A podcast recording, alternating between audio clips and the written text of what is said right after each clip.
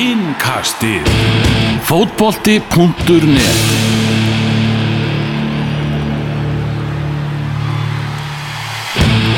Innkastið heilsar, það er 31. júli, síðasti dagur júlimánaðar, glugganum verður lokað á, miðinætti, íslenska glugganum, hún er ekki komin einn einhver reysa tíðendi, allavega ekki þegar þessi upptaka er, er sett af stað, en uh, við ætlum að ræða um uh, Pepsi-deltina, við erum hérna í okkar sætum, Elvar Geir Magnússon og, og Gunnar Birgisson, Gunnar kominn frá Búlgarju, fjallnöður engastið eftir síðustu umferð, þú varst eitthvað að leika þér í Búlgarju, Maggi Mm. er í fæðingarorlofi, Mhm. hvernig var Búlgarju að leika við? Þetta er frábært, ég elska þetta land. Þetta er, hérna, þetta er bara þungavættariðnaður og hérna Á vel við þig, á vel við mig. Og hérna, maður svona, þú veist ég tengi mikið við þetta land, sko. Þetta er svona, geta alveg séð með eða einhverjum árum annar já, bara Nei, ég meina að kau- nei, ég meina að kaupa sér bara eitthvað sumarhús þarna skilur, bara vera þarna bara sumrin. Bara flytja til Nenni maður Búlgarju. þessu, nenni maður þessu endalaust eða? Já, ég skil þig, Ef veist, ég vil bara geta að spila golf, skilur já, Bú, golfi í Búlgarju, Já, eru til að leysa hann Magga af í, í þessum þætti, er Arnar Daði Arnarsson, skemmtarnastjóri með meiru, hvernig er, sérfræðingurinn átt kallaður. Já, sérfræðingurinn, Já, bara hvað vil ég, hvað vil ég meira sko? Já, nákvæmlega, varst, varst þú í Akraborginu í handbólta sérfræðingur síðasta, vetur. Nú er ég atvinnulegs Nú ertu atvinnulegs og, og, og eru samlistilbóðið það? það, er- það er eitthvað í gangi það. Nú, það eru dreifingar. Já, já, það er alltaf eitthvað sko. Já. ætlaði líka búin að missa vinnan í áttinu sko þar sem að, hérna, Gatorade íþróttina það er hættu líka þannig að ég veit ekki hvað ég að gera á þetta vetur sko. Já, þú ert alltaf að, veistu hvað átt að gera Já, næstu mínúturnar allavega Því að þú verður hérna með okkur að fara yfir þessa 14. umfyrir í Pepsi-deltinni Nú, ég held að við erum bara yfir Búlgari þannig að skunna Æ, Ok, ok, ok Bólgar í farin að skunna og Það var er- það lítið eftir að koma á meira Ég held að það sé sér podcast. Já, hvernig væri það? Heyrðu, byrjum í Vestmannum þar sem þú ert nú að fara til Vestmanniða Arnar, um helgina. Já, Hvað er, hvað er í gangi þar? Herra, það er svona ákveðin hátíð sem heitir uh, þjóðatíð Já og þangað hef ég farið senstu sjö eða átta ár. Mm. og nú ætla ég að gjössalega sprengja skalan og fara í vikuferð. Vikuferð? Já, ég hérna út af svoleitlu þá svona ætla ég ekki á þjóðatíð í ár. Ah. svona út af einhverju sem gerðist í fyrra og hittu fyrra. Nennur þú samt, nennur að lofa mér einu? Þú veist, ég veit að þetta er alltaf eitthvað Þú ert alltaf eitthvað að twitta og eitthvað um þetta. Þú- Sko, ef þú fer í brunnin, þetta á að fyndi fyrst Þetta er ekki fyndi, þú veist, þá, þú veist, þú þarf bara virkilega hjálp ef þú fer í brunnin þetta árið. Þannig að þú ert að byggja mig um að leita mig til hjálp bara í þeir Já, bara please. Ok, ég skal gera það. Það fór eftirminnilega í gósbrunnin í Vestmannum um síðustu þjóðatíð En rétt eins og búlgar við farin að skunna Það ætla ekki að ræða þannig. Nei, Þannig að IBVF vinnur IBVF vinnur 2-1 sigur á móti Káa Arnar, þú varst að spjalla við Trygga Guðmundsson aðan Já, Hann sagði bara IBVF safe, það er bara Pepsi og IBVF á, á næsta ári. Þessi sigur hefur bara tryggt um sæti í deildinu Þetta er sammála því?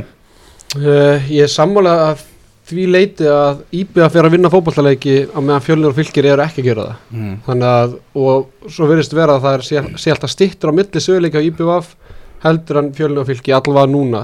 Samt er IBF náttúrulega bara búin að vinna einu leik fleiri en fylgir og fjölnir en, en þeir að vinna þessa leiki núna og þetta eru leikin sem skipta máli þessi leikir á, á lokakaflanum.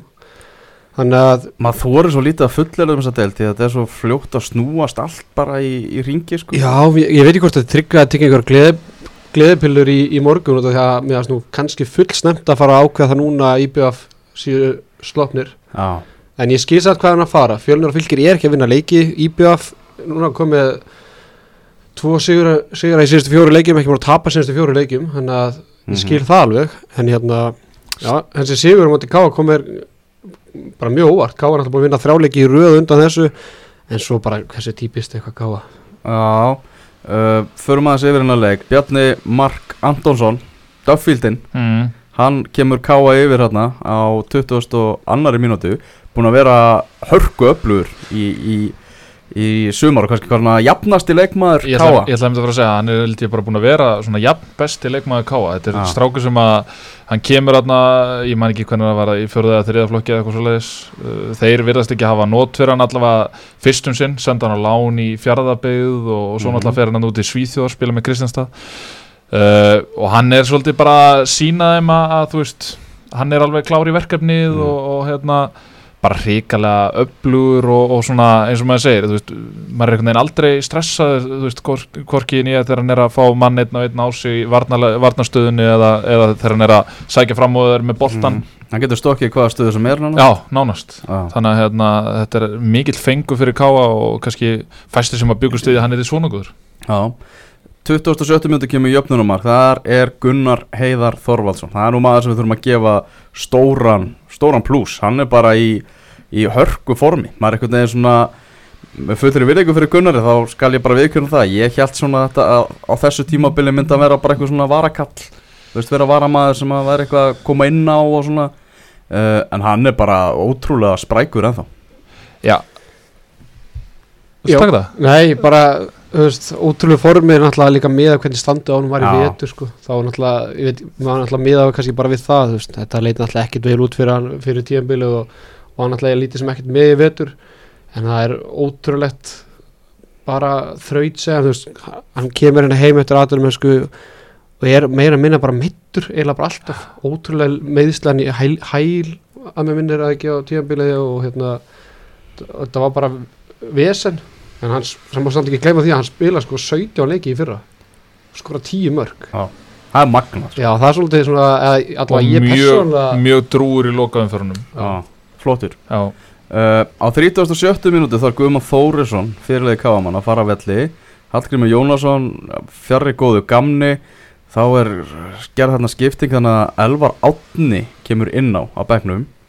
Og Trínisits margumrættur mm. Trínisits færist í hafsendin og hann lítur síðan hrikalega illa út þegar Shahab skorar sigumark leiksins á 53. minútu Shahab fyrir hann illa með, með Trínisits væga sagt uh, það er bara vesen fyrir káamenn að bara hvað þessi meðslavandræði sem að Guðmann næri ekki að, að hrista frá sér þessi magnaði hafsend að það get ekki treyst á það að sé alltaf að spila Já, þeir eru bara í stökustu vandræðum með að finna sér miðvörð ef að, ef að Guðmann eða, eða Hatti er ekki með þá bara, þá er alltaf til maður sem getur spilað hafsendastöðuna ég meina, Mm. Bjarni Mark eh, hefur náttúrulega einhverju reynslaði að spila hafsend spilaði einhvern tímann hafsend með fjárðabið og svona en, en ég meina, það er samt ekki staðan sem þeir vilja hafa hann til dæmis í Nei. Guðmann og Hatti náttúrulega eru frábærar að naftast og, og búin að vera mjög flottir saman mm -hmm. en Trínisits eins og þú segir, þetta er við vorum mikið á vagnum fyrst, mannstu Já, ég veit það. Já, en Hann var, ég, mikið, hann var mikið okkar maður svona í, þegar engasti var að byrja Já, já. En Ég bara, ég er eiginlega bara gáttaður á því hvað hann er búin að vera hrikalega dabur á þessu tímbili já, bara vandraðilega veginn slagur sko. Já, já ég man þegar hann kemur í káa hann í fyrstildar mitt sumar hvað 2015 eða 16 þá var þetta bara einhver algjört vélminni sko. Mhm. en Kuma hafi komið hann Ar Archie hafi komið sumari áður svo kemur þessi þannig að þeir voru konu með tvo bara sko rísa á miðuna í fyrstildina en svo hefur hægst gríðarlega á honum og, og setna marki hjá IPVF var náttúrulega alveg með reynum sko ólíkindu hvað þetta var vandrættur í mannin sko mm. en við erum að tala um miðvarðastöðuna hjá Káa maður spyr sig, hefðu þeir not fyrir Davíð Rúna Bjarnason fyrir um fyrirlega Káa sem er núna bara að leika sér í Magna sem gekk í Já. ræði Magna í- Mhm. fyrir, eða, þú veist, í, í byrjun þessa árs Mm.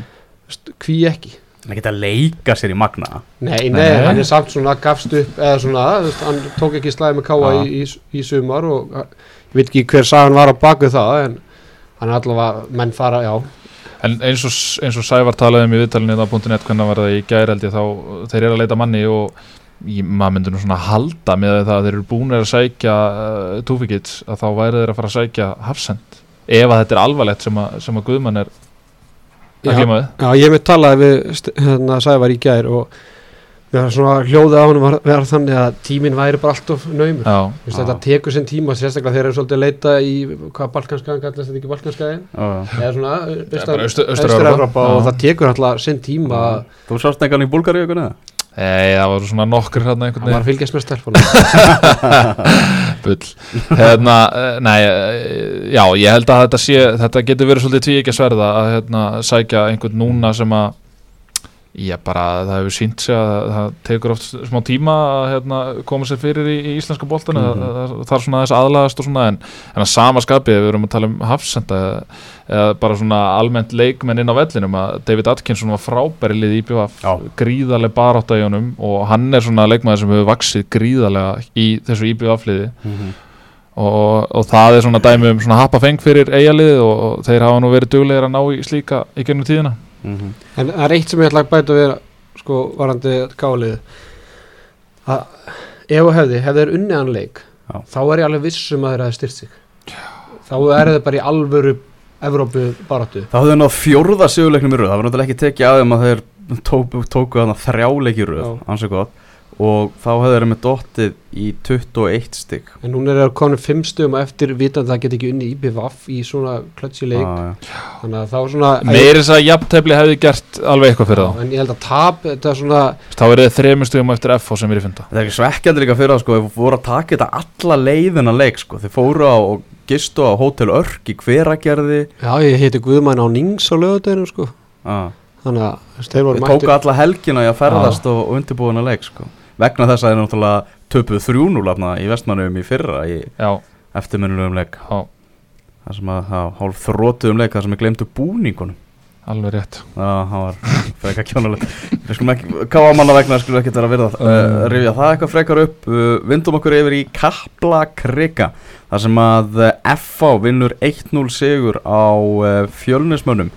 Og þar kom fyrsta marki bara strax í, á fyrstu mínútu þegar Jónatan Ingi leggur boltan hana á, á Robby Crawford sem, að- sem að skorar. Torfi Tímóteus í vörð fjölnis hitt ekki boltan hana og mm, klauvalegt Já, og þetta reyndist eina markið þannig að bara auðvitað þeir sem mættu og, seint á, á leikin já, þetta var svona einhvern veginn, ég, ég veit það ekki þetta var svona hvað maður að segja, veginn voru reyndar alveg fínir. Uh, þeir, þeir fengu ekkert eitthvað fárulega mikið að færum en, en þeir nýttu þó allavega færi sem þeir fengu. Mm. og hérna uh, þú veist, þetta var í raun og veru bara svona einhvern veginn svona voðalega eitthvað bla leikur Sko þeir eru, bekkurinn hjá þeim er náttúrulega bull, þeir eru með fimm erlenda atvinnumenn á bekknum F-fáingar mm. uh, og það og þar á meðal það ástæðan bara svo að, að það er Evrópuleikur hjá þeim á fimmtudaginn. Þeir eru að keppa setnileikina móti Habuel Haifa og náðu frábærum úslitum í Ísrael. Náðu útivallamarki 1-1 það er allt bara er góðu möguleiki að, að- að komast áfram á þeirri viðreikn það er náttúrulega það sem er F-fangar hafa verið að horfa hvað mest á núna. Það er, það er þessi Evrópikeppni að þeir nýttu, nýttu breyttina og, og þetta, þessi leikur snýrist bara um að ná í stíðin þrjú Mm. er ekki, ekki sammála það og bara Jú, jú.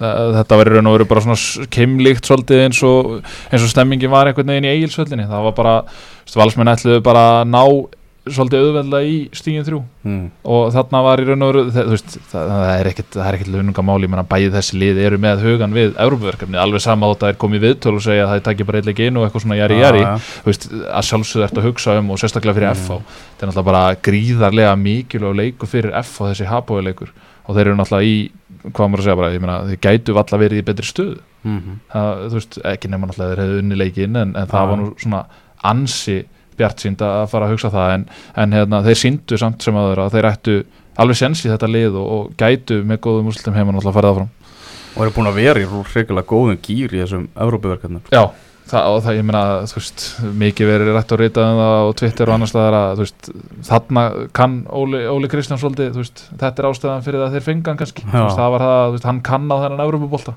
mm og hefur náttúrulega séð sinn skerf á honum, hann að, hérna, og maður sem hefur fengið mikla gaggrin í F-fáliðinu Gunnar Nílsen, hann verður að hrósa honum og, og bara bæði fyrir þennan leik og líka fyrir Evrópuleikin var, var mjög mjög öflugur þar já, að mínum að þá var það bara eitthvað sem að F-fáingar áttu skili frá honum, Já. Veist, þetta var raun og veru bara, skuldaði. hann skuldaði, sko, hann var komin í alveg stóra skuld, Já. þannig að, hérna, þetta, þú veist, jú, jú, það hrósa honum, en, en, en, þú veist, við þurfum að sjá meira því sama. Já, Fjölnismenn í bullandi fallbaróttu þarna Já og, og hérna bara mjög líklega til að fara niður sko. Já og fjölnir getur ekki skorað á móti FH þetta er einhverjum þriði leikar sem FH heldur reynu í sumar í í 14 umfyrir þannig að það er mjög aðtilsvært líka en eins og ég sagði áðan bara fjölnir og fylgir eru bara ekki að vinna leiki og Nei. ef það var einhvern tíma tækifæri til að vinna FH ég ætla ekki að segja að það hafi komið dabri leikmenn inn í FH liður sko þrátt fyrir fimm breytingar en ef það var tækifæri, það er oft tækifæri til að vinna þegar hugurinn er annar staðar. En bara 1-0 eftir mínútu og en mér fannst samt, ég var nú reyndar á, á KR Grindavík á sama tíma en ég var svona að fylgjast með hérna, þróum mála og mér fannst þess að fjölnir hérna, hafa aðeins bitið frá sér eftir að hérna, Já, að alla voru allavega meira með boltan svona síndist mér á, á svona því sem Já. ég var að lesa. Okkar, okkar maður hann, hann Ísak Máni Víum sem að skrifa um leikið fyrir fótbolta.net segir bara spilamennska fjölinsleiknum hafa ekkert verið það galinn uh, Þóri Guðjónsson átti slakanda hann er komið með tvö mörk í deildinni í sömar hann hefur bara alls ekki verið líka sjálfur sér í, í sumar sko. hann er bara eins og íslenska veðri bara búið að vera afspilnu daburt Akkurat. Ég meina og hvað, Berisha, hann er bara eitthvað utan hóps og eitthvað, það er eitthvað vesen á honum? Uh, Já, ég, þú veist að ég veit ekki, þú veist, þegar maður lítur snögt yfir byrjunlið hjá fjölni er þetta lið sem að á eitthvað betur, betur skilið? Sko þeir eru með, sko Almar er búin að vera hörku upplöfu Já, já, uh, Ægir sem að fara rautt spjald í þessum leik er búin að vera svona stígandi upp en, já, en og, eins, og, og svo eru með byrna bolta. Já, en svo, eins og við ræðum svo oft með þá tvo Já, að þeir þurfa að finna jafnvægi í sínum leik Þú veist, þeir Já, þurfa er það að ekki- koma meiri stabíla góða framistuð finnst þetta ekki að hafa verið að koma á þessu tímabili? ég, ég meina Skrifa í áttina Já, já, þú já. veist, jú, jú, það er alveg hægt að taka þessi ungir og séu bara stíða sér fyrstu skrif í dildin og allt það, en ég meina Þeir þetta er samt- eru samt valla að þetta er gera samt, þetta er það samt þú Birnir veist, er ekkert að gera það, hann er Nei. ekkert að stíga sem fyrstu skref sko. Nei, nei, svo sem ekki, en, Ah. en þú veist, þetta er samt skilur þú veist, þetta snýst um að ná í sigra og þeir eru ekki að því þess að þarna Þeir eru svo sannlega ekki að því við hérna bara vonum að fótballna vegna að fjölnir og fylki vinni bara ekki leik fram að lokaumferðinni. Fjölnir fylki lokaumferð. En fjölnir er sko kepla ekki næsta leik sko. Mjög erfitt, erfitt já, fyrir að ok, vinna, já, já. já, en, vinna ekki hann sko. Já, já, já, það er bara gefins þrjústi alltaf. Maður reikna bara með því að þau, þegar bæði innbyrðist á móti fylki þannig að þá vinna þær eitt leik fram að lokaumferðinni. Það verður alltaf geðvikt að fá eða svona, hvað getum við ekki kallað þetta grannarslag fjölnir fylkir eða sérstaklega, sérstaklega á meðan fylgir að spila í eifsöldinni þá er þetta svona Já, akkurat, en það verður nokkið lengur þá en, en að fá fylgir fjölnir í lokaumferðinni er bara úslita leikum um fall það er Víða um heim var bara lost allir leikir Pepsi-dildarinn að kalla það grannaslæðir svo er það það. En það var, var kallað. Það Það vantar eitthvað í hérna, svona hjá, hjá fjölusmönnum og þeir eru náttúrulega með þjálfara sem er í, í á sinu fyrsta tímabili Mhm. sem aðalþjálfari. Mm -hmm. Þannig að það er bara, bara pressa hvað, hvað ætlar Óli Palli að bjóða okkur upp á Hvað heldur að Óli Palli sofi marga klukkutíma á nóttinni þessa dagana? Hann virði sko vera bara alltaf ég- alltaf að er að þegar það kemur í viðtölum viðtöl, þá er einhvern veginn þrátt fyrir að fjölnir hafa verið að tapa á 93. mínútu eða hafa verið að sína bara bestu framistuðu sumasins alltaf einhvern veginn bara svona eins Já, en Mm. var, hann var nú með svolítið læti í byrjumóts Hann er ekki að Já. skjóta á hennar F Já, skautur reyndar FH en síðan þá hefur hann eiginlega bara sig- Já, síðan þá hefur hann í eiginlega bara sig til hlið sko. En svo er eitt hérna bara eins í lokin. Sérstaklega, sérstaklega, sérstaklega, sérstaklega það sem að við erum að ræða að fjölnir eru í svona smá brasi og þeir eru náttúrulega í brasi, þeir eru í fallseti og hérna, uh, eða nálgast fallseti, er ekki fylki fyrir neða? Já. Eik, uh, Ægir Jarl raukt á 90. mínútu er eitthvað sem að fjölnir á svo rosalega langt í frá að eiga efna á. Þjóðtíða raut Uh, já, já, svo er það annað, ég meina Það kenningar strákur þar. og það má uh, skemmta sér og svona en þetta, er, þetta var þetta var rosalega klaufalegt rautspjald, eða klaufalegt, þetta var bara heimskulegt rautspjald Já, ég meina fyrir eftir hvað hann ha- var með í huga sko, var þetta klókt? Ég ætla, ég ætla að vona ekki Nei, þá var þetta bara mjög heimskulegt. Já, já, ég ætla að vona ekki og ég ert þetta er, Ég er þetta er ekkert sko. þannig þetta er ekkert hverju? Af hverju segir það? ég, þú veist, ég trúi því bara ekki ég trú, Hvað kjössalega tækling er þetta á miðjum öll á 90. annari mínútu? trúir þú sjálfur hann hann, hafi hann var bara allt og seitt maður en Er þetta ekki bara, þetta er bara að blanda einhverjum pyrring ef og þú sér ægi í brekkunni Arnar, þá sendur okkur Já, Þú meina þegar ég sé hann í byrjum Heyrðu, vindum okkur yfir í vindum okkur inn. Förum aðeins inn í Egilsöllina í síðasta sinn. Mm. uh, nú er allir leikir nú ætti að hendi í síðasta skiptum fyrir hvað dór. Já, síðasta skipti. Já. Já, við alltaf klippu það inn. Uh, ég náði að fara ekki á nætleik með fylki í Egilsöllinni ég stóð við það, ég, ég lofaði því í byrjun. Já. Ég bara innileikir í, í Pepsi ég, ég er ekki, ekki aðdáðandi ég var einu sem nálætt í Nefn alveg er að Það var í þar sem stöðum fyrir á móti Káur Já, En þá valdi ég frekar hérna breyðablík fjölur á sama tíma. Og ég sá ekkert mikið eftir því að kom markið upp á tíma en ég mitt hugsaði bara að það er ekki séns ég sé að fara í eigi svellina til að horfa sko, fylgir káver í Já, pepsildinni Þetta er náttúrulega svolítið svona þreytt tugga en, en veist, það er samt sko alveg sama hvað er gert og við vorum að rósa fjölni fyrir að vera með einhverju auðlýsingaskilt og eitthvað svona veist, og búa til einhverjum svona smá stemmingu í kringum þetta. Þú mátt gera það svo vilt þú, þú nærð aldrei upp neinu öðru heldur en bara einhverju æfinga, leikja, stemmingu að vetir til. Það er einhvern veginn bara Það ég er fór hann í gær og þetta var bara þú veist, að ég veit það ekki, það er eitthvað svo döft yfir þessu eitthvað. Ég meina bara eins og besti leikmaður 14. umferðar mati fótbollmúnið sagði Ari Leifsson eigi svellin alveg búið með sinn skamt Já. Já, já, Ég sammála Ara Leifsson sem átti, átti virkilega góðan leik í, í gær Já, þú fóst í, í eðisölduna, Gunni já, já. Segðu okkur hvað Til það ham ekki með það Uh, takk fyrir það mynd, ákvað mynd fórstu Er það skauta? uh, Herðu, hérna Þetta var uh, skrítin leikur. Þetta var, uh, ég meina valsmenn alltaf sótt og sótt og sóttu. Uh, Andri Adolfs og, og Díon Eikhoff uh, úti á vangjunum voru duglegir að svissa og svona og Díon uh, frábæran fyrirháleik óöfn að skora ekki.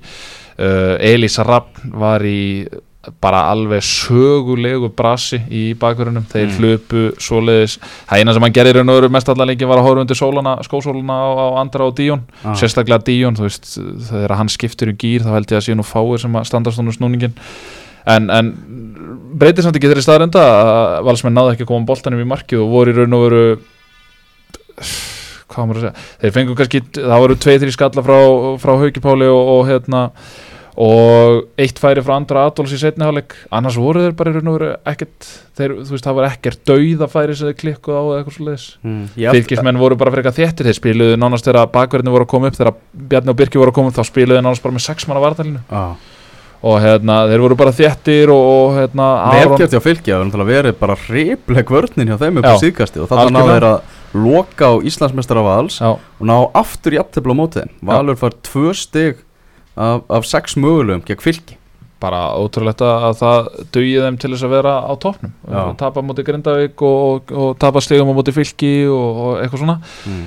en uh, já, ég veit ekki. Þú veist, valslið var, þeir voru að spila ágætis bolta en þeir voru samt ekki að skapa sér. Það sem að svona pyrraði mig mest í þessum leik sem áhorfandi var að já, þegar leið á setni hálfleikin þá bara lá annar hver fylgismadur í grasinu veist, þetta er að þeirra vilja að þeir eru að spila í náttúrulega Ég ekki var um þetta sko að myndavislu frá þessu leik. Var bara allir liggjandi alltaf í gervigrasinu. allir, bara allir þeir sem voru klættir í appisnugula treyju. Já, ég var ég meina hver er ástæðan fyrir því að fylgismenn sé að leggjast niður í krampa og í tíma og ótíma en valsliði sem er að spila þú veist 15 leiki á 30 að þeir geti staðið allan leikin Já, veist, er, er formleysi hjá fylki eða hvað, hvað er í gangi? Þú veist ég meina og sérstaklega veist undir, alveg undir lokin Ólafur Ingi Skúlásson fær krampa þarna s- þetta var eitthvað í kringum 8000 mínútu. Já, eða krampa uh, hann allavega leggst í grasið. Svo kemur- svo, svo kemur, svo kemur sókn hjá, völs, hjá völsurum þá stendur hann bara upp og de dekkar haugpólinn í teik já Æ, ég veit ekki, mér finnst þetta daburt að hafa einhvern veginn komst aldrei neitt flæði. Þegar það voru svona 30 mínútur eftir að leiknum þá eiginlega bara dósóldi flæðið í leiknum. Já, og, og eftir það var þetta í raun og veru bara eins og einhver handboltastemplun hjá val. Þetta er svolítið út úr karakter hjá Val út af því að ef maður spyr sig af hverju var Valur Íslandsmeistari fyrra? Það var þetta þegar þeir voru að slátra neðstu liðunum. Já, og þeir voru bara unnu hvað, bara öll neðstu liðin. Já. Og það var það sem svona kom þeim ansi langt að vinna tillinni fyrra þannig að þetta er svolítið út úr karakter og sérstaklega tvö jættemóti fylgi heimavelli 2-0 yfir og, og missaði nýri 2-2 jættefli skor ekki núna á móti sko fylgi sem hafa fengið næst flest mörkin á ása eftir Keflavík sko voru Og, að og í leiknum á undan skoraður ekki á móti Santa Coloma í Andorra. Já, fylki hafa búin að fá þessi flest mörki fyrir þennan leik sko Þannig að það var- einhvers staðar las ég að það þetta er í annað skipti sem að lið tapar í Andorra í sögu Evrópukeppnum Já, ég held að sé í þriðja veist, það er ótrúlegt sko. Já, uh, annað sem ég skil heldur ekki ef við, ef við höldum áfram að tengja þetta við Evrópumræðina ég ger nú ráð fyrir að þeir vinni og slátir þessu Santa Coloma liðið það er verið að vinna þetta já, já, Engin Óli Jó, takkja ekki að banna á hann. Já. Eh, talandi mála Jó og, og Björsar Heðas Já. fyrsta skiptingi er að kemur á 8000 mínútu. Á Já. 8000 mínútu í þessu leikjaprógrami og í svona leik. Það, það eina sem að þeir þurftu var einhver breyting fram á þið Já. það var bara, þú veist, al, nánast alveg sama hvað Uh, hann setur Óla Karl Finnsen inn á og svo á 81. mínútu kemur Kristinn Ingi Haldarsson inn á Já, Tobias Tómsson utan hóps, ekkert hann já, ok, bara gemdur Já, bara, satt bara upp í stúku. Borgarlega glætur Sigur Reyl, á bekknum. Í 90 mínútur. Hvað heldur þessi landsjón að það hefur gæst? Að Sigur Reyl, heill Sigur Reyl Siti á varamannabekk í 90 mínútur. Já, svo rennum maður yfir þetta byrjunulega val og það er geggjað sko. Já, já, það er geggjað. En ég meina, breytist þetta ekki þeirri staðrend að, að það nánast hefur ekki skipt máli hvort að Sigur Reyl leiki góðan eða slaganleik Hann heldur alltaf sætið sinni í byrjunliðin Já, já algjörlega og, og maður getur alveg skilað það. Það er Sigur tröstið frábær leikmaður Mhm. þó, að, þó mér finnst svona að hann eigi svona eitthvað inni á þessu tímubili Mhm. uh, mér finnst að vera betri fyrra til dæmis en, en að ég veit það ekki þú veist Tobias Thompson, akkur er hann ekki hóp? Það er góð spurning. Er hann, það, er hann búin að vera það lélugur hann hefur náttúrulega lítið sínt mér fannst það reynda góður á móti Rosenborg í leiknum hérna heima, Já, mér finnst það. flottu þar. Já. Og hérna, mér fannst svona að vera kannski svona stígandi í hans leik eftir að hann svona datt svolítið niður eftir að hann skoraði þarna markið á móti Káir í fyrstu Mm. umfyrinni bara. En ég meina, Kristinn Ingi utan hóps uh, Andri Fannar utan hóps Sindri Björnsson utan hóps. Kristinn Ingi var í hófnum Kristinn Ingi verið í hópnum. Mm. nei, hvað sagði ég? Ég sagði Andri Fannar og Sindri Björns. Já, ok. Já, og hérna já, ég, ég verð að segja að þetta er skrítið að gera skiptingu í svona þéttu leikaprógrami þegar tíu myndir eftir að þá komi fyrsta skiptingin. Uh, Öflut stig fyrir fylgismenn Verður nú að hrósa þeim fyrir að hafa landað, landað þessu stíi uh, Ólaður Ingi Skúlason uh, Kemur hérna inn í, inn í liðið. Loksins mætir hann Fær bandið og bara Mhm. beint í bandið. Bandið teki af Áskeri Berki Og látið á, á Óla Skúla. Það, eru, það er ákveðin tíðindi því. Já, líka út af því já, en af hverju? samt? Já, ég veit út af því að ég talaði við Helga Sigur hvað ég, já, hvernig talaði við hann í fyrir helgi, fyrstæðin, ah, var að spyrja hvort Ólaður Ingi er þið með og, og hann sagði já, allur líkjendum og svo svona fór ég aðeins að djóki Helga og sagði já, það væri nú flott saga út af því að leikur náttúrulega að fara fram á fylgisvelli, ég sagði það væri nú flott saga Ólaður Ingi að koma heim og spila fyrsta leikin á nýju gerðugassi þá tók hann alveg þvílitt fyrir það sko þetta snýrist nú ekkert bara um Ólaf Inga og þetta væri nú all, allir í hópnu jafn, metnir innan félagsins og liðsins og þetta snýrist alls ekki um Ólaf Inga og það mætti sko alls ekki vera þannig að Ólaf Ingi væri þetta og hitt og þetta og svo bara búm, fyrstu leikur hann komið bandi sko eftir einhverja tökja vegna að ferða með fjölskyldunni í útlöndum og hann er ekki svona, eða svona komið kom kramp eftir 80 þannig að eh, já, eins og ég segi, af hverju og Þráttur Ólaður Ingi hafa ekki kannski verið besti maður vallarins Bara fá hann inn á völlin Það lítur svona veginn bara að mikið presens í honum. Já. og maður sá það alveg í gær að, það, hérna, það róar allt vantarlega og þetta er líka bara dýnamísk miðja að vera með Áskebörg og, og, og, og Ólaf Inga og Emil þar fyrir framann þetta er bara mjög fín miðja mm. Hafa það eitthvað nót fyrir Helga Val Danielsson núna? herðu, svo er það nú maður sem er svolítið silt undir radarinn Já, e, veist, þetta er ekki ásættanlegt sko. maðurinn er að koma heim úr atvinnum sko. hann er búin að vera sennilega lagast hann var ekkert að koma heim úr aðtunum sko, hann komur tveggja ára fríi frá fótbolta sko. Hann, bara, hann, Já. hann hætti aðtunum en sko hætti fótbolta alveg rétt og, og, og er mættur aftur og að maður á þessum aldri sé ekki að finna sig í Pepsi-deltin eftir bara tveggja ára hlýja mm.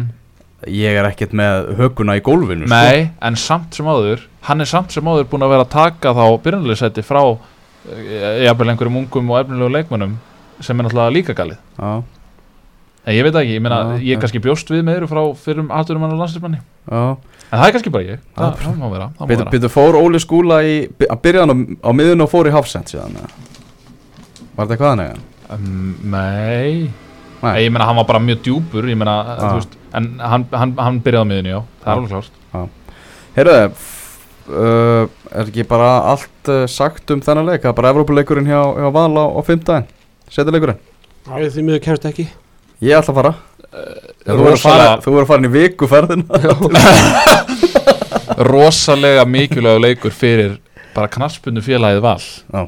Þetta er náttúrulega Já, þarna bara mér sem handbóltaþjálfara félaginu, ég hef bara allt undir. Hleypur á Hleypur á miljónum Fyrir þetta lið, sko. Já, ég meina, ég fæ ekki þjálfarafatna eða ég fari ekki áfram. Það er ekki að takunni Er þetta bara samíðilegu rekstur Já, já, valur, bara valur. Já, já. Áfram Valur, heyrðu, KR 2 Grindavík 0 Arnardæði, þú varst að, að, að skrifa um þennan leik, KR-ingar betri allan tíman, lengst af var þetta nú ekki mikil skemmtun, skemmtarnagildi var ekkert að fara um menn hérna Nei, þetta var þetta var svolítið skrítin leikur. Og hérna og bara þegar líða, líða fyrir á setnáleikin þá bara trúðum maður við valla að K.R. ætla ekki að fara að skora þessu leik sko. Já, Grindavík gáttu náttúrulega mjög lítið sóknarlega í setna áleik síndu eitthvað í fyrir áleik en það má sem ekki taka þeim að, að varnarlega var það smá sexy sko Já, já, veist, þegar, þegar K.R. var með boltan þegar afturstu tverja K.R. var með boltan það voru bara allir grindvíkandi fyrir aftanmiðju og fæslutnar og svona þetta var virkilega vel gert en come on, þú veist, við erum búin að tala um að fjölga áhörund og svona, þú veist, ég veit ekki hvað er margir áhörundur sem enn að horfa á þetta sko Nei, það voru 1119 sem að horfa á þetta Já. allavega ekki er en þetta kom lóks á 82. mínútu þegar Óskar Örn Haugsson skorar hann eftir aukaspinnu varnarveggurinn hjá Grindavík Já, ég, til hvers ertu í þú ætlar að bjóða upp á þetta Mér meðan samt illa vegi, Tóm var eitthvað að gera grína Sigurjóni Rúna sinni miðverði grindaðingur þeir voru eiginlega báður þarna sem voru að fýblast í vegnum sko Ha. þeir voru tveir sem svona, ferði, fór- fór- ferði í veggin og hugsar ég ætla ekki að fá boltan í mig það var- eins og það væri þannig Já, sko. já, þetta var bara í, í, á KR vellinum í Pepsi-dildinni og bara nú nú er ég við vorum búin að hlaupa úr því náða stöðl ungum bara sko, til að ná að halda markinu hreinu og svo kemur eitt svona sko eins og hvað tóttið þetta ekki í þú veist þetta er einast eini tíminn sem átti að vera kjur af vellinum. Vertu þá kjur sko. Já, þetta var vandræðalegt sko. Já, já, ég sá þetta persónulega ekki þegar ég var að skrifa um leikin þannig að en svo sá ég þetta í Pepsi-markanum eftir á en ég meina bara líka ég sem og Gunni þessi markmenn hversu pyrrandi er þetta mm. þú, Nei, veist, ég bara, meina- þú Já, já. vegnum og þeir takið þetta sko. Já, já Nei, ég, meina maður hefði náttúrulega bara öskrað og hérna, Pældi hvað þetta hefði verið lélegt hefði bara veggur í staðið hvað þetta var lélegt skot í Óskari ekki gott skot Já. en inn fór það og þetta er sögulegt mark hjá Óskar Erni Augsnei Já, ekki nema 120. markið hans verið K.R. frá upphæði og fer þar með uppfyrir hérna LFP Skram sem skora 119 og uh, röddin var nú með mér í blaðmannstúkunni vel eftir leik þar sem ég var að skrifa sko ævi viðtölu bæði Rúnar Kristins og Björgvin Stefansson en, þú dast bara trúnu eftir legg Já, en- vera. En ég held að, ég held að LFP Skram sem búin að eiga þetta met í, ég veit, ég trú ekki 45 ár, getur það verið það? Já, Getur það verið það? Þetta, er, hans, þetta var alltaf að sturlaða tími sko. Já, Hva, já, ég menn hann er auðvitað nálgast áttrætt. Já. ég, þóri svo sem ekki að fara með það en ég myndi, nú halda það allavega, allavega einhver 40 og eitthvað Ég ásam get, Já, það, það, það kemur ekkert á þess sko. Og hvað er ekki Óskar Örn búin að skora eitthvað x mörg ári í röði pefstildinni? Jú, þetta er held ég 15 eða? fimm- Já, eitthvað svoleiðis eitthvað X-mörg tímabili í röð Já, LFB Skræmi fættur 1939 Á Bassarda, hann er búin að eiga þetta met í 45 ár. Já, það er magnað dæmi sko. Kringum heimstöðel Skúljón Friggjarsson, 30 í gerð, hann fekk ammælisöngin og fekk líka gafabref frá stuðnismenni K.R.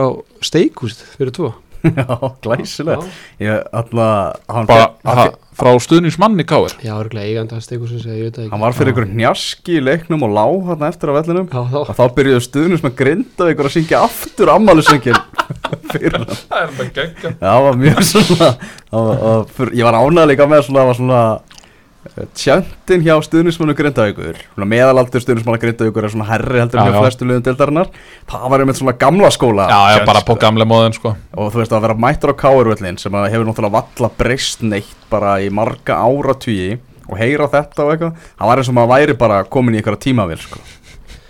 Ég var einmitt að hugsa í gerð, ég var að skrifa um leikinu og hérna ég hef nú ekki skrifað marga leiki á, í fróstaskjólinu en ég var, því að maður bara hvað káar vellinum var þetta var geðveikt þegar maður var kannski tíu ára Já. það var þetta bara eitt flottasti vellur Mm. á, á landinu mm -hmm. Þetta var bara svona e- eitt að fáið svo stúka maður lappaði skilja aftan frá inn í stúkuna þú veist, hvar gera maður það hérna heima en núna bara, bara því bara hvað með góður og mætingin, þú veist, maður var að sjá þetta Pepsi mörgun, ég man, þú veist, þegar ég man bara já, hvað, hvað er allir svo langt síðan fjögur, fimm ár, káastúka var nú nánast bara alltaf þétt setin Já, Já, stóð setin á og svo stóð Já, svo en- stóð fólk alltaf hana fyrir aftan á hann að hægra megin Já. og fyrir aftan skílið já, núna er var þetta þetta tjóð 2300 manns Já, já. eða eitthvað sko. já, já. Og ég meina að þú veist, það voru allir að kinda í fyrir móta Rúna Kristins væri komin heim. Liðið er bara í pullandi Evropasjens Já. það er frábært verið gerð, ég held að þetta hafi svona topp þrýr besta svona sumarkvöld ásins Grindavík á heim eða þú veist að fá Grindavík í heimsókn bara eitt af skemmtustu liðum deildarinn og bara, bara það var bara stó- toppleikur Algjörlega. Og bara fyrir leik þá var ykkur kannski 300-400 ræður mætta fjö, sko, tímitur leik. Mm.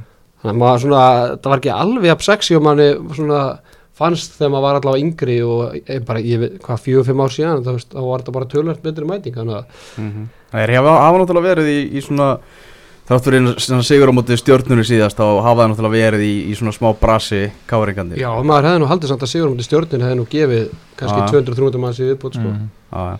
En káringar eru núna bara mættir bara í Evrópi baráttu fyrir, fyrir allan peningin Samt alveg fimm stigum eftir breyðaflik Það er heldur mikið Já, en í þessari deildir er þetta svo fljótt Já, að já, breytast. já, þetta er fljótt að breytast Þetta er Já, að Það eru stórleikir í næstu umferð Það verður gaman, Já. að- gaman í Gunni Giskar á eftir Já, sko. það er mjög gaman Uh, Hvert fólk að hingra til því Hérna, eitt í uh, Hefði K.R. nót fyrir Tobias Thompson Aftur.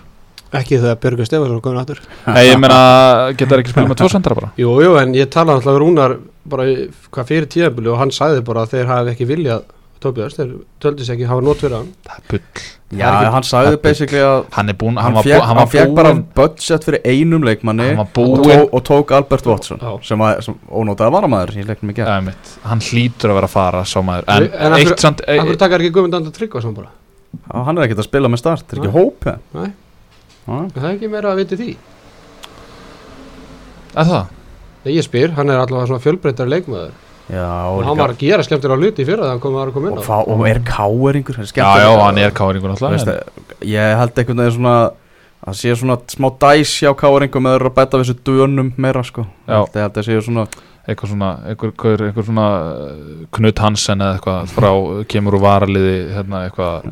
Hauberg eða eitthvað Já, já, um ekki að Andri Bjarrika þann fór út á 79. mínútu svo byrjaði bara veistlan eftir það sko Ég, ég ætlaði að segja, þú veist, hann er með hvað, hann er með 6 mörk held í 16 leikjum í öllum kefnum eitthvað svo leiðis, Andri Bergard Já, uh, þú veist, jú, kannski ásættanlegt en hann samt sem áður finnst mér að oft uh, loða svolítið við þann mann að annarkvort er hann nánast bara bestur á vellinum eða hann er bara algjörlega tindur og næri ekki einu svona að sko koma sér í hálfæri mér finnst að vera svolítið það er svolítið öklega eira hjá honum og mér finnst að búið að vera svolítið mikið uh, svona, svona, mér finnst að hafa verið ómargi leikið þar sem hann hefur bara nánast verið bara algjörlega tindur. Hann alltaf kom tímabila þar sem hann misti byrjulegisæti þá fór hann bara í fílu. Já, og svo alltaf fyrir Björgun í þetta persónulega leifi og þá Mm. væri hann sen sen hann skorar þá.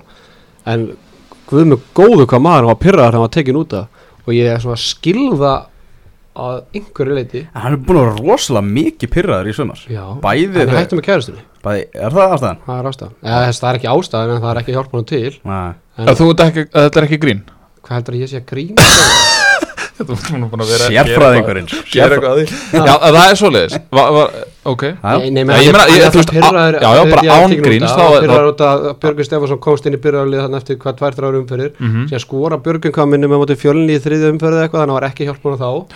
svo núna var hann búin að spila eitthvað tvo þrjá leikir skorar. Mér var hann svo góður í leiknum í gæðir sérstaklega í fyrra leik hann hljóp og hljóp og hljóp og var að vinna boltan sást ekkert Það er mikið til hans sendaleg sko. Já en síðan svo náttúrulega þú veist, Björgun er ekkert búin að æfa mikið með káir sem þessi dag sko. Og svo kemur hann inn og mm Mhm. tekur út að tímindar eftir ekki að það voru að skora. Þú veist, en, en svo hugsa maður eins og allir Sigurjóns veist, maður mhm. þú veist, hann að að Já, það eru ennþá einhverju klukkutímar eftir að klukkanum Já, Herðu, ég meina Þóri í byrjunni sem svo fyrir upp. Já. En það er náttúrulega svona stærsta fréttin úr þessu leik er náttúrulega bara Björgvin Já. mættur aftur á bekkin uh, Björgvin kemur inn á Björgvin skorar mark. Já, ég meina, rosalega auðvelt að samgleðast Björgvina hérna, og þetta er svona veist, ég, ég veit það ekki, maður var svona kannski svona smá efins, ég náttúrulega þekk hann ekki eins og Arnardæði en, en, en hérna þú veist, ég veit ekki, það, mér fannst þetta að vera svona algjör vendipútu bara á hans ferli svolítið, þú veist, hann hann mistígur sér þarna og viðkynni það og, og eitthvað svo leiðis og maður, alltaf þú veist, maður þarf ekki nema bara fylgjunum á samfélagsmiðlum og átt að sjá því að hann er svona, þú veist, grillaði náungi skilur, bara, Já, já. þú veist ekkert að því og hérna en þetta var svona, fannst mér uh, alvöru statement frá hann þú veist, Mhm. að koma inn á þú veist, með rétt skrúðan hausinn og skora mark og ég veit ekki, þetta var svona bara tilfinningaþrungi stund, fannst mér bara. Já, uh, Arnar, þú veit að Björgvin nú góður vinur þinn. Já. uh, Fagnaður í fréttamannastúkunni þegar hann skoraði? Ég sko, ég klappa eins og ég væri sko með, vanta í mig litningar sko. Þú varst ófaglegur í fréttamannastúkunni. Já, þú veist, ég fekk Já, líka ég, ég geði leiði þú veist, ég fekk líka bara svona eiginlega óþægilega mikla, mikla gæsa húð Já, sérstaklega í ljósi þess að mér fannst þetta skrifaði skýr eftir að koma inn á. Mm. markalust 0-0 kemur inn að tímyndir eftir og sá það bara fyrstu hlaupun og hann, sko, að hann ætlaði sér að gera eitthvað í þessum leik og þú veist, Káir var búið að sækja alla setnáleikinu þannig að ég var alveg viss um að hann myndi fá tækifæri til að skora sko. en það kom eiginlega bara mest á óvart að ég bjóst ekkert við að hann myndi koma inn á sko. Ég held bara að ver- Rúna væri með hann í hóp bara svona til að fá hann aftur inn í Já, hópin það verður svona næsta skref Já. Já. Þannig En svo, er náttúrulega bara veist, tíu myndur eftir og, og það er ekki komið mark í leik Já, já, það var náttúrulega, það hjálpa hann gríðarlega og Já. hérna en þú veist, maður getur menn geta nexlast yfir þessum streng eins og ég veit ekki hvað en það verðist ekki skipta honum nokkuð máli og Nei. hann hefur verið gaggrindu fyrir ímislegt bæði, veist, þegar hann fer á lán til vals Mm. fær ekkert tækifæri þar, fer í þrótt kemur svo aftur um í hauka, virðið svona líða best bara þar, Mhm. en hann er greinlega sína smá þróskast í núna í sumar og veist, hann er komið 5 mörki 13 leikjum Já. og, og einhver þeim er hann bara komin þess að varamæður Mhm. þannig að mér, og Rúna sagði það í viðtali eftir leik í gera þeir, þeir byggist ekkert við ykkur miklu frá honum Mhm. og það er svona, mér finnst bara og eiginlega hann sagði það líka eiginlega bara fyrir tímabili bara svona, þetta er bara svona verkefni sem við ætlum að vinna jæmt og þétt sko. Ég man að ég man að Tom, vinnur okkar Já. hann var eiginlega bara að missa trúna þarna einhverju tímabóti réttur í mót þegar Já. hérna, þú veist, hann var var, var því að peppan í, byrjun ás Mhm. sagði að hann myndi, eða þú veist, var að svo held ég, ég, ég enda á klippuna sem Tom er bara að tala um að hann rættur um að hann myndi ekki skora marka á mótinu sko, þannig að og ég, Þetta er svona saga sem það er, held, er auðvelt að halda með sko. algjörlega já, ef þú, ef þú þykir ekki ef, þú veist, ef þú þekkir hann ekki skilur og ert bara tilbúin að fyrirgefa mönnum sem bara drulla þessu upp á bak Já. veist, það, já. það er ekkert að fara leint með það Já. en svo eru sumir sem örglega einhverju sem þóla hann ekki sko Hann var mjög auðmjúkur í viðtal við þig sem þetta er að nálgast á, á punktunni já, hann getur þakkað mig fyrir það hann er örglega manna fegnastur af að lendum í mér þessu viðtal og þetta var náttúrulega Að fá bara trún og við með vinnu þarna. þetta var svolítið svo íslenskt. Íslenskt er best. Þetta er ykkur, það verður frólægt að sjá hvernig, hvernig Björgvin og Káringar fylgja, fylgja þessu eftir. Uh, Vindum okkur yfir í Víkina, heimavöll Hamingjunar og hann stóð ekki undir nafni fyrir heimamenn í, í þessum í, á, á sunnudaginn. Uh, þar sem að, eins fyndu og það er að segja, þá er það eiginlega bara þannig að úslitin ríðust á 13. sekundu leiksins. Er ríðast úrslitingin ekki bara þegar það tilkynnt að Sölu Geir var ekki með? Er þetta ekki orðið Já, þreytt saga? Já, nánast sko en ég meina Sölu Geir var ekki með á næstu leikjum þeir ætla bara alla mæta til leiks skilst mér sko. Stjarnakast yfir á- eftir 13 sekundar leik og bara menn höfðu enga trú á þessu eftir það þau moment eftir að stjarnan kennst yfir og Já. nánast bara þegar að flauta var til leiks þá var ég, ég var actually bara mjög stressaður fyrir hönd vikingana Já. að þeir var að fara sko í alveg bara sögulegt tap sko Þetta hefði geta orðið sögulegt tap hefðu stjörnumenn sem eru náttúrulega í rosalegu leikjaprógrami og eru líka í Evrópuleikjum að það móti FCK og svona Mhm.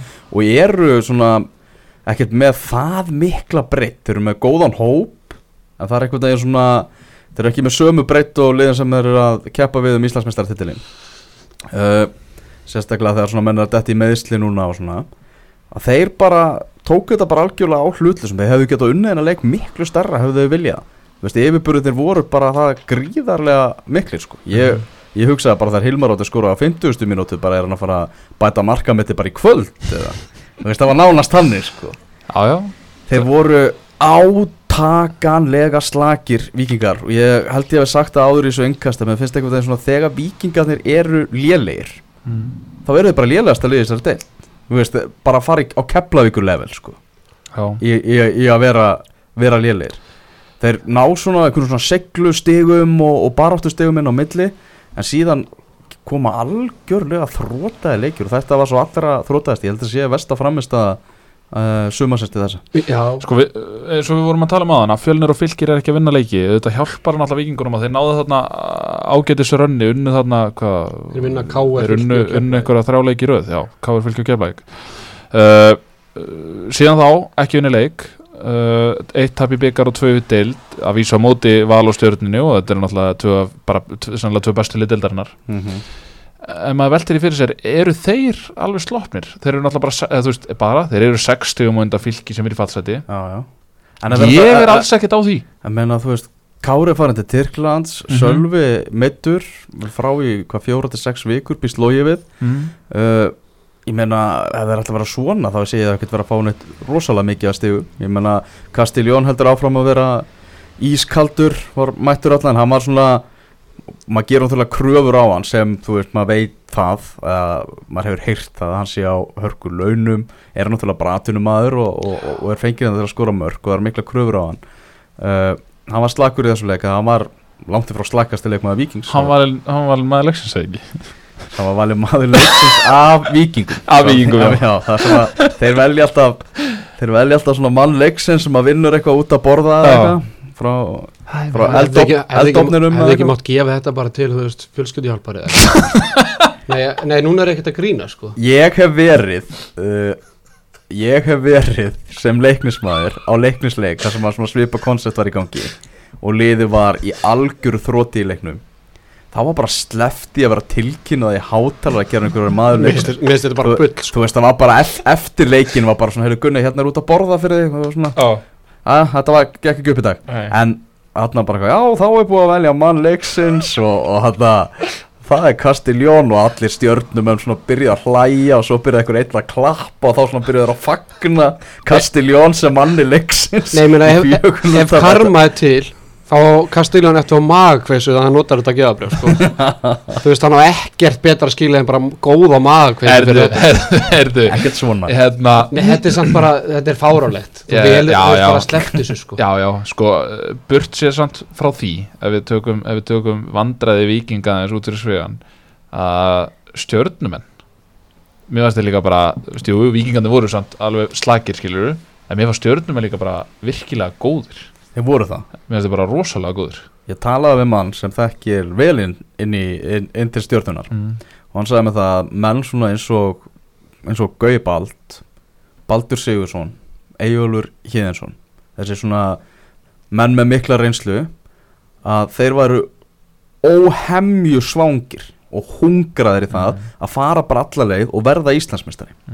Og einhvern veginn held ég að það hafi rosalega mikil eða maður gerir bara ráð fyrir því að inn í klefanum og bara í kringum svona lið þú ert með þessa gaura, þessa karaktera alveg út úr peppaðum það að þeir ætla að vera Íslandsmeistarar að það sé mjög auðvelt að smita það út í, út í aðra leikmenn sko. eins og staðin núna finnst mér stjarnan líklegur til að vera Íslandsmeistar á valur sko þið finnst það? já, Já. og Já, jafnvel ég get svo sem alveg kefta og ég, ég ætla að, ég- nú hljóma eins og hálfut en jafnvel breðablík sko. mér finnst breðablík og stjarnan svona sannfærandi þegar þeir vinna leiki þá finnst mér það að gera það meira sannfærandi en Mhm. valur Já. og náttúrulega fengur fyrir blika að við töluðum náttúrulega um það að ef þeir fengju almennilega sender að þá færu þeir bara mjög langt í að challenge Já, já. titilin almennilega og þeir eru virðast vera konu með almennilega sender en ef við höldum áfram í þessum leik að þá er ég, ég get alveg keft þau raukja varnari að, að, hérna, að þeir séu jafnvel líklegri heldur en valur eins og staðan er akkurat núna því að ég, mér finnst bara einhvern veginn svona hóparnir bara að vera, þú veist það var mikið talað um liðseldina hjá val í fyrra þegar þeir runnu titilin og annað slíkt að mér finnst, einmitt, mér finnst það líka svolítið endurspeglast eins og þú talar um Mm. og sömu leiðis í blikunum að, að það nertu með í raun og veru bara svona 12 mann í liðseldinni sko. Mér finnst það með svona stjarnan hafa uppgreita sér svolítið frá því fyrra það sem við voru kannski full mikið kannski í svona kraftabolta og föstu leikatröðum og ennþá alveg náttúrulega með það. Það þann- elsku jættöfli fyrir það ekki? Já, það, já nákvæmlega. Þann, Það er ennþá með þann faktor en með svona spilamennskan og sóknirnar hjá þeim miklu betri heldur en í, í fyrra. Já, Gauði Baldur sem bara komin í meira inn í fútið skilur og Já, bara martröð varnamannsins að vera að vinna þarna í kringum Gauja. Náttúrulega Egilur Hjeðinsson, það, ég veit ekki hverju að bæta við það sem hefur verið sagt um hann í, í þessu leika, var náttúrulega bara gjössalega styrlaður og Hilmar Átni hann er komið með 15 mörg núna. Og, og ekki 17, nema, ekki 17 í nema. 17 í öllum kemur já, þetta var líklega eitt besti leikur Þorsteinsmás Ragnarssonar í, í stjórnubúningnum spilaði reynda bara 56 mínútur því að leikurum var bara búinn. Mm. Svo alltaf Jósi uh, Kristján komin aftur. Já, það er líka, það er mikilvægt fyrir þá. Uh, Við vorum svona að tala um áðan með Bjerregard Hann er með 6 mörg í 16 leikjum í öllum kefnum Guðum Baldursson með, sau- eh, með 4 í 17 Ég Já. veit, ég átta mig á því að hann fær svolítið að, þú veist, sigla á seglunni, ah, skilur og kraftinum og baráttunum og hann er að búa til helling og, og ég get alveg keft það, skilur ég, en hann er stillsamt bara með fjögur skilur sók, sóknarmenn eða skorum Sóknum en eiga skora Ég, er- því. Þannig að, hérna, ég, ekki það, ég er ekkert að ég er nú ekkert að gaggrina hann, ég er bara, Og var ekki eitthvað sem segja það sko Mér finnst það ekki að hrósa mönnum fyrir að vera duglegir Þú veist, þeir eiga að duglegir þeir, þeir, þeir, Þetta er Já. fótbolti sko. þeir eru völlunum Það sem ég held að blekki í þessu er það, er það að Gauði Baldvins í ef, ef Gauði Baldur var nú í Káver Já, að, að, að Gauði Baldur sé núna í stjórnin í svona uppeldisfélagi þá gerir þetta söguna aðeins fallegri eða skilur þetta er Já, svona heimamenn taka betur eftir þetta er heimamaður komin heimur á atvinnumennsku fór í Káver og er, að, þú veist, er ótrúlega hungraður í eins og Elva var að segja í titil skilur já, já. Þú veist, ef, Gauði væri bara í Káver þá væri hann kannski ekki að fá jafn mikið svona rós fyrir Nei. þetta skilur Þetta er, já, þetta er svona gera alltaf söguna fallegri finnst mér Þetta er svona alltaf svipus á Gunnar Heðar þegar hann kemur heim. Þú veist, hungraður í að taka titil með IBF og gerir það, og gerir það. Já. það glemist En ég meina bara renna yfir, þú veist, byrjunalið hjá, hjá stjórnir, það er svo mikið reynsla í þessum mönnum, þú veist, það er menn sem hafa verið í atvinnumennsku, hafa verið í mestrarflokki mörg ár og með lagstálbræðunar hann Mhm. og, og allt það, þetta, þetta, er- þetta, er, þetta er massíft. og er þetta ekki eina liðið deildinu sem er ekki með útlendinga Jú, mér finnst það líka Já, fyrir, það er- fyrir, fyrir utan varamarkmannin hann, já, það er sem að koma hann vegna meðsla. Já, Uh, já, það en, er, en við vorum að tala um hvað stjarnan voru góður í þessu leik Þú veist, maður var að horfa á þessa greiningu frá Hallberu í Pepsi-mörkunum Mm. að tíminn sem stjarnan já, hafði skilur við mm. á boltan þetta Mhm. var náttúrulega með ólíkjöndu samt Þetta var, já, það er alveg rétt. Heyrðu þarna þessum um, vikingana það er þarna að- aðeins rétt í lokin.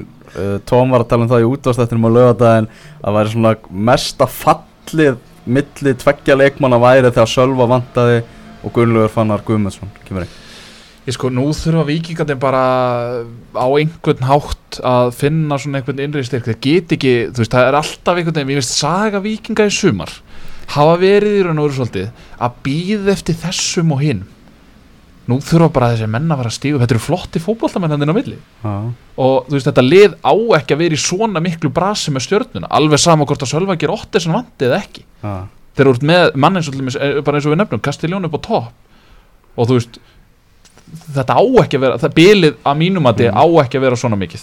Mhm. Og bara í Pepsi-deltinni Ég- á það ekki að vera svona mikið. Ég meina, ég veist, ég veit ekki meina, áður en að Sölvi kom þá voru alveg, þú veist, menn að sína þú veist, Haldur Smára og Gunnlaugur Já, já. Fannar að ná alveg bara geggja vel Já, já, saman menn voru að tala um bara, hérna bara það verður því líkur hausverkur að koma Sölvin í liðið og eitthvað svona, Já, nákvæmlega þú veist en snýst þetta ekki líka um hvernig Haldur Smári er án Sölva eða skilur á hann ekki tvö mörkarni í þessum leik hann alltaf brýtur hann Haldur Smári var náttúrulega alveg skelvilegur í þessum leik sko. alveg bara, já veginn ætli- svona, ætli- hann, hann er með bandið og mér fannst það Já. svona veginn svona með svona feila fyrstu manna bara að gefast upp sko. er hann Ma, að maður fekk það á tilfinningu Er hann að, svona, er, er hann að svolítið að missa eða má ekki gagna hann aðeins meira en fólk er að gera það já, ég held það Þetta Hann- snýst svolítið um það sko hann komst í, komst í ekki lið núna. Mm. Já, það var svona fleiri vikingum með þessu sex vikingar í ekki liðinu í okkur á þessu sinni er þarna uh, ekki pöngast meira í vikingum í byli við ætlum að fara yfir til Keflavíkur þar sem að breyðablík vann skildu sigur gegn Keflvíkingum uh, Keflvíkingar geta tekið það jákvæður þessum leik að þeir skoruðu mark, sitt fyrsta mark segðan 4. júni, þannig að þeir eru búin að drepa þá umræði að menn séu að halda áfram þessari talningu, fengu hérna vítaspilnu sem Hólmar Örn Rúnarsson skorað úr. Uh, þannig að þeir kannski skora eitt yfirbót með þess að tölfræði ekki? Uh, já, það ekki. Eða hvernig að móti búið? Ef þau eru hefnir En Tómas Mikkelsen Daninn sem þú komst aðeins inn á Mm. uh, Bara með því að fá þennan leikmann í klukkanum Er ekki hægt að segja það að liðum Pepsi deildarinnar Þá sé breyðarbleik bara að vinna þennan klukka Fengu púsli sem vantaði? Jú, og framlendu við uh, Oliver. Já, og Þannig að- Ól- Oliver Sigurðansson verður út tímabil Já. Til að sem er mikill, mikill happa fengur fyrir þá og hérna, en ég meina eh, svo má nú svo líka alveg að ég meina eh, þeir hefðu nú sennilega ef, ef að þetta hefði ekki gengið upp með Oliver ef hann hefði verið kallaður aftur út þá náttúrulega eiga þeir annan stórkostlegan miðjumann í Viking Ólafsvík. En það hefði náttúrulega skemmt mikið fyrir Viking Ólafsvík eh, ef að Alexander Helgi hefði verið kallaður heim. Já, uh, en já, eh, þú veist ég veit ekki hvað maður að segja þú veist, hvað hva, eigum við að vera að ræða þessa veist, þetta er Æ, ég held að það sé ekki best bara að segja sem minnst. Ég, Þú veist þvílík, þvílík ótrúlega uppgjöf. Lasse Riese, þau vilja losa sig við hann. Hvað fréttu það? já, Og nú var ég að heyra í morgun að þau vilja líka hljósa sig við Mark McAusland sem var bara fyrirlið hjá þeim. Í gær. Já, hann er bara eitt besti leikmaður í Kassói fyrir það eru, veist, bara hann var sennilega bara besti leikmaður en hvað svo yfir Já, ég myndi segja það. Já, uh, Ég sammálaður því. Ég myndi þarna, þú veist það er eins og sé bara að losa alla sem er að fá laun sko, þú veist við megum ekki gleyma því að það eru þú veist hvað eru? Það eru, það eru að sjö eða átta leikir eftir. Átta. Það eru átta leikir eftir. Það, það er ennþá nóga stigum í pottinum sko. Nei, ég, ég var alls ekki að meina það þannig. Ég, var, ég, ég En- veit alveg hvað það meina en ég, Þú uh, voruð bara ekki að segja það. nei, en hérna veist, hva, hvað er þetta? Veist, meina, þetta er liðan alltaf sem enda bara með þrjú stig. Þeir, þeir eru ekki að fara að vinna leik. Fullir það, fullir það þeir vinna ekki leik, Þeir vinna leik Nei. Jú. sko við, þurfum- við þurfum að búið í veðmál Já. þeir vinna ekki fótballleik Hvað er þetta að vinna? Fjölni í næsta leik? Það er það. Já, Hva, hvað ekki hva, hvað af þessum leikjum eiga þeir að vinna Þeir að- ei- Eiga náttúrulega ekki að vinna neitt sko. með mig, þeir, Þeir gætu þeir eru búinir að spila mot öllu. IPVF úti Þeir vinna Viking heima í næst síðanstu umferð Vikingu verður búin að bjarga sér. nei, vikingu verður ekki búin að berga sér þarna. Þetta grínast þetta. Þeir eru farin að horfa allt og langt fram í, fram í tíman En Við við, taka við þurfum að taka veðmál. Eh, ég meina upp á hvað? Bara bara er það ekki bara út að borða? Út að borða. Út að borða. Ekki stegur svo nei. Er, er erum við með einhverja sponsora á þetta? Uh, nei, nei, nei, ok, Steikur bara út að borða. Út að borða Já. bara punktur Keflaði vinnuleik Ok. Vinna Viking í næstu síðanstu umferðinni ok, Ef þeir verður ekki búin að vinna eitthvað nokkur leiki undan því Ó, trúið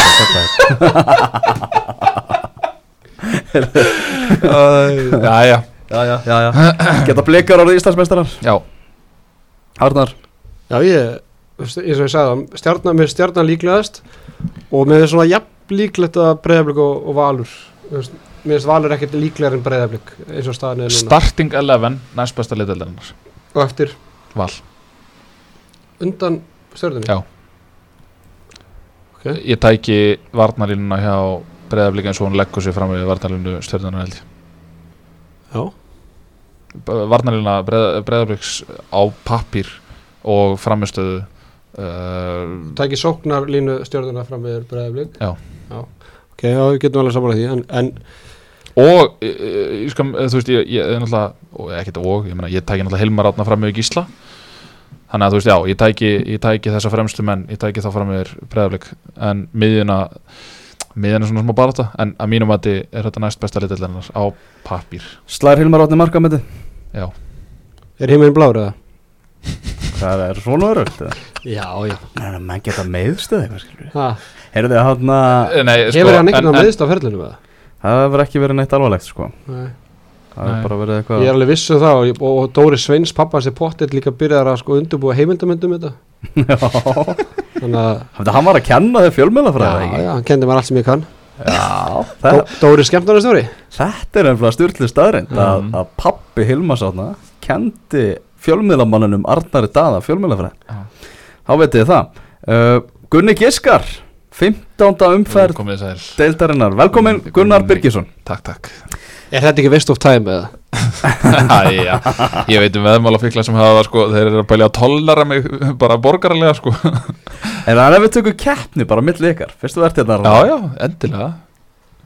Ég, ég, ég er aldrei ég, ég er alltaf tilbúin að koma mér í slæma stöðu Þannig að ég, Já, já, Tek það, þessu. það, það er tákn, við viljum tákn. Gunni, þú átt uh, alltaf fyrsta árið Já, uh, IBVF fylgir það þjóðháttíðarleikur á lögadaginn 13.30 þetta er rosalega mikið leit þetta er uh, Þetta er ekki jafn mikill einn og þú heldur fram. 3-0 einn, Já, ég segi einn líka. Eitt En þetta líka. er samt ekki jafn mikill einn og Ok.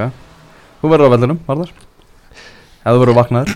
Heyrðu, og þriðutaginn 7. ágúst Grindavík, Víkingur Reykjavík. Eitt segir Gunni Já, Já, Þetta enda með jafntefli held ég þessi, mm. þessi Mm. keppni ykkar. Breiðablик KR Ég get ekki verið alltaf sammálaður sko. En X. X Þá, þá fyrir við í leikina sem er uh, miðvikudaginn 8. ágúst. Það er KAFA Þetta er rosalega erfiður leikur Ég segi X Tveir, uh, FH vinnur þetta. Stjarnan Valur. Sko fyrir mér fer þetta rosalega mikið eftir því hvort að liðin færi áfram í Európa eða ekki. Er það? Þú verður að spá núna. Já, já, já, já, ég er alveg sammála því. Uh, Heyrðu, uh, Stjarnan Valur. Rísaleikur í Garðabænum á miðvikudaginn. Já, ég 8. ágúst. Já, ég er alveg saman því að Stjarnan getur unnið þennan leik en ég ætla að fara jafnteflis vegin Mörg jafntefli hjá Já. Það Já, tvö, það er komið tvö Já, tvö. Nei. Og að lokum Fjölnir Keflavík Einn. Einn, ekki Gunnar ekki lengi að giska á það Kemur sigurinn að kemla Nei, hann, hann kemur ekki þarna En jafntefli Já, en það, það, fer að stýta síðan allavega uh, Já, já fjö, þú veist, fjö, þetta er bara fjölni verður að vinna leik sko. Já. það, er- nú bara hættu að grína sko. Já. bara fjölni fellur að vinna ekki hann leik Já sko. Uh, Ég ætla nú reyndar ekki að ganga svo langt En Svo við klárum að- einn, svo klárum að þess að kepla ykkur úr það uh, Hópurinn var ekkit styrtur fyrir tímabilið. Nei. Fengu bójan Og við vitum það alveg að bilið á milli Inkasso og pepsistildarinnar er bara talsvert. Mikið. Va, Þú veist, átti þetta bara að vera einhver Þú veist, áttu, ætluðu þið bara að næla sér í þáttökumedali og segja svo bara takk fyrir okkur eða? Eða, Þú veist, hvað var endgameið? en þeir sóttu um það sko nei, ég, ég skil alveg hvað það var þetta er bara gjössalega út úr kortinu og svo núna móti er ekki búið og þeir gjössalega þótt þeir vilja ekki segja það en með af hvað þeir eru er að reyna að losa leikmenn þá er þetta basically bara þeir eru búin að kjóðast upp sko. Já. og það er ósakjart gagvart þeim liðum sem hafa spilað við þá Það er nefnilega málið á móti liðum sem þeir hafa ekki spilað gegn skilur Já. að þeir séu bara vísvindandi að gera liðið sitt verra fyrir mm. loka umfyrirnar þrátt fyrir að eigi ef- eftir að vinna leik þá finnst mér þetta bara vannverðing gagvart deildinni veist, og, og sko, svo talar um uppbyggingu eitthvað, svo fá þeir ekkert króat á láni frá káir, þú veist, sem engin veit hvað getur og hann er nei, nei, hann er bara. Hann á hérna, íslenska ég og fluttinga bara og er að vinna þú hérna veist, svona. hann á láni, hvað uppbygginga fannst ég það og fá sér hann Ágúst Leo á láni frá IPVAF, eitt, eitt líka í þessu eins og, og Arnaldæði kemur inn á þetta er eiginlega bara vanverðing við liðin sem þeir eru að spila móti. Mm. hvernig haldið að stemmingi verði í síðustu umferðinni þegar stjarnan fyrir að spila við uh, stjarnan eða hverju aftur í síðustu umferðinni? Þeir eru að fara að spila við F og heima. Mm. Valur á Keflavík. Þetta getur verið bara algjör dú og dæ þannig að þú veist, Já. þú veist það verður kannski svona spenna en samt eiginlega ekki spenna í lokaumferðin segjum við að stjarnan og Valur verða jöfn að stigum? Mm þú veist þá verða þeir og veru bara forsatriði fyrir Val að klára þennan leik? Svo, svo er svo steikt hvað þeir hafa náði þessi þrjú stig sín sko. Náði F var það ekki? FH, Stjarnan F og, og Akureyri Akureyri. Ég segi það, stýttist í sigurinn. Vittlisur leikina því miður. Eða þú veist, sækja stig í vittlisur leiki Já. Gunnar og Arnar, bara takk hjá fyrir, fyrir samfélgina á þessu sinni. Takk hjá fyrir það, og góða ferð í vikuferðina Arnar. takk hjá